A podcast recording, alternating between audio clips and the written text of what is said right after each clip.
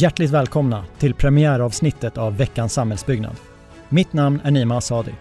Låt oss köra igång med veckans nyhetssvep. Byggindustrins centrala arbetsmiljöråd släppte i veckan en ny rapport som visar att antalet arbetsplatsolyckor med frånvaro minskade under 2019.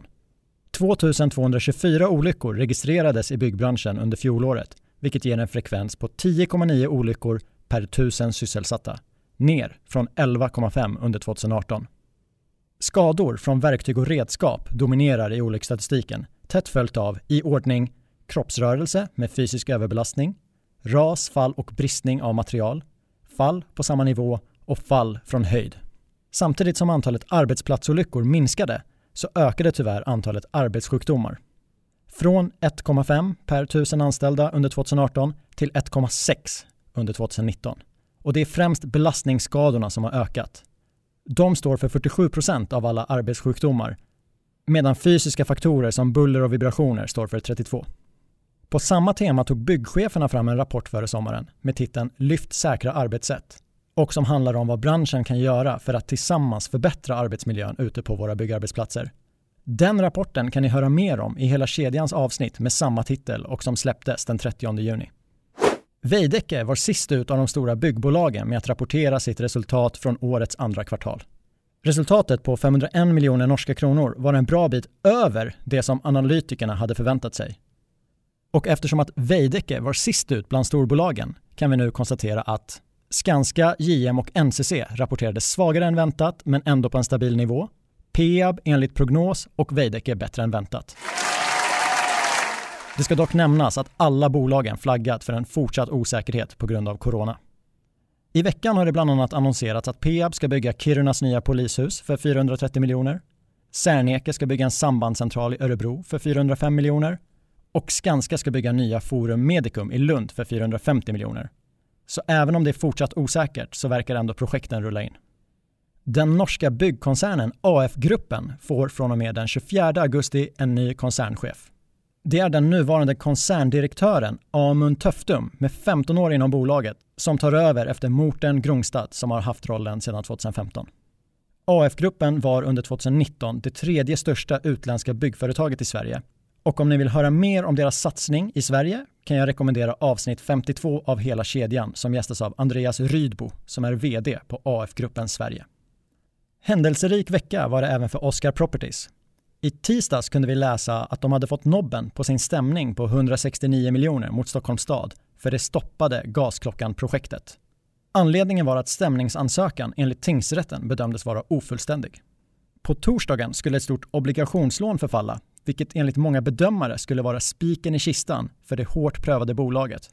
Men på onsdagskvällen kom nyheten att Oscar Properties lyckats sälja av några projekt i Nacka till SBB och Genova Property. Priset? En krona, men där köparna tar över utestående obligationer samt en eventuell fördelning av framtida projektvinst. Uff, det var rätt länge sedan man kunde läsa rubriker om Oscar Properties som inte var illröda och jag vet inte riktigt hur det blir framåt, men jag har ändå en känsla att det kommer vara ganska svårt att få markanvisningar och driva planprocesser när man precis har försökt och misslyckats med att stämma staden på 169 miljoner. Kan vara rätt dålig stämning om ni förstår vad jag menar. Omstartskommissionen, som är Stockholms handelskammares tankesmedja för vad näringslivet i Sverige behöver göra för att komma stärkt ur coronakrisen, släppte i veckan ett smakprov på vad vi förväntas kunna läsa i deras slutrapport som presenteras i nästa vecka. Samtidigt som det går att läsa att bostadsmarknaden hittills har klarat sig relativt bra finns även varningssignaler om att arkitekternas orderböcker är långt ifrån fullbokade i höst. Något som visar på att en inbromsning kommer. Tor Borg, som är analytiker på Boverket, skriver i rapporten att vi, för att rädda bostadsmarknaden, behöver förändra amorteringskraven, sänka flyttskatter, bredda bostadsbidraget och slopa fördyrande byggregler. Det är med andra ord precis som vanligt i Bopoldebatten. Och jag ska inte ge mig in i den, men jag kan samtidigt konstatera att det alltid verkar vara kris. Det var kris när bolånetaket infördes. Det var kris när första amorteringskravet infördes. Det var kris när bankerna började tillämpa Finansinspektionens skuldkvotstak och så vidare. Samtidigt kan vi konstatera att det har gått rätt så bra för många av de bostadsutvecklingsbolag där ute som klagar högt jag säger inte att de inte har rätt att klaga, Men det är alltid bra att börja med att göra det man kan på hemmaplan innan man pekar på någon annan. Positiva siffror från fastighetsbolaget Atrium Ljungberg där Annika Ånäs i sitt vd-ord skriver att 90% av bolagets hyresgäster inom handel i skrivande stund har rapporterat in preliminära omsättningssiffror som är på samma nivå som i juni 2019. Det finns med andra ord hopp för en helt okej okay höst. Innan vi tackar för oss så ska vi släppa veckans topp 3-lista som den här veckan är på temat saker att se fram emot i höst. Nummer ett, körschemat för hela kedjan. De första inspelningarna för hösten är nu inbokade och på agendan har vi stambanor, tunnelbanans utbyggnad, trafikkontoret, stadsbyggnadskontoret, förbifarten i Stockholm, några av Sveriges mest spännande bostads och fastighetsbolag och dessutom en rad förfrågningar redo att skickas ut. Det här kommer bli så himla bra och om ni har förslag på gäster, bolag, projekt eller annat spännande att prata om så surfa in på helakedjan.se och skicka ett mejl. Nummer två. När krisen kommer tvingas branschen till förändring. Titeln på min debattartikel i byggindustrin för två år sedan passar in även nu. Där och då skrev jag om byggbranschen som stora förändringsmotståndare och att så länge en hel bransch står still så går det att komma undan med det. Men den här våren har det faktiskt hänt saker. Helt plötsligt så gick det alldeles utmärkt att förändra arbetssätt och omfamna ny teknik. Eller ny och ny. Skype, Teams och Zoom har ju funnits ett tag. Men det är ändå ett steg framåt att så många och på så kort tid börjat använda verktygen i sin vardag. Jag är övertygad om att det här kommer att öppna för fler förändringar i närtid.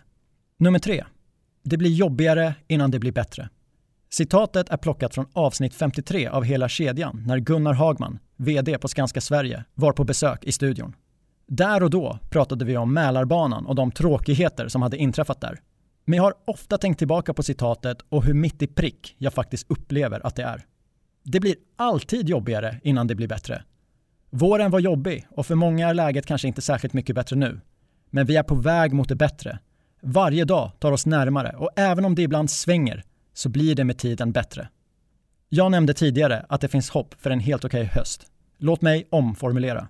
Det kommer bli en helt fantastisk höst och jag hoppas att vi på veckobasis får spendera den tillsammans.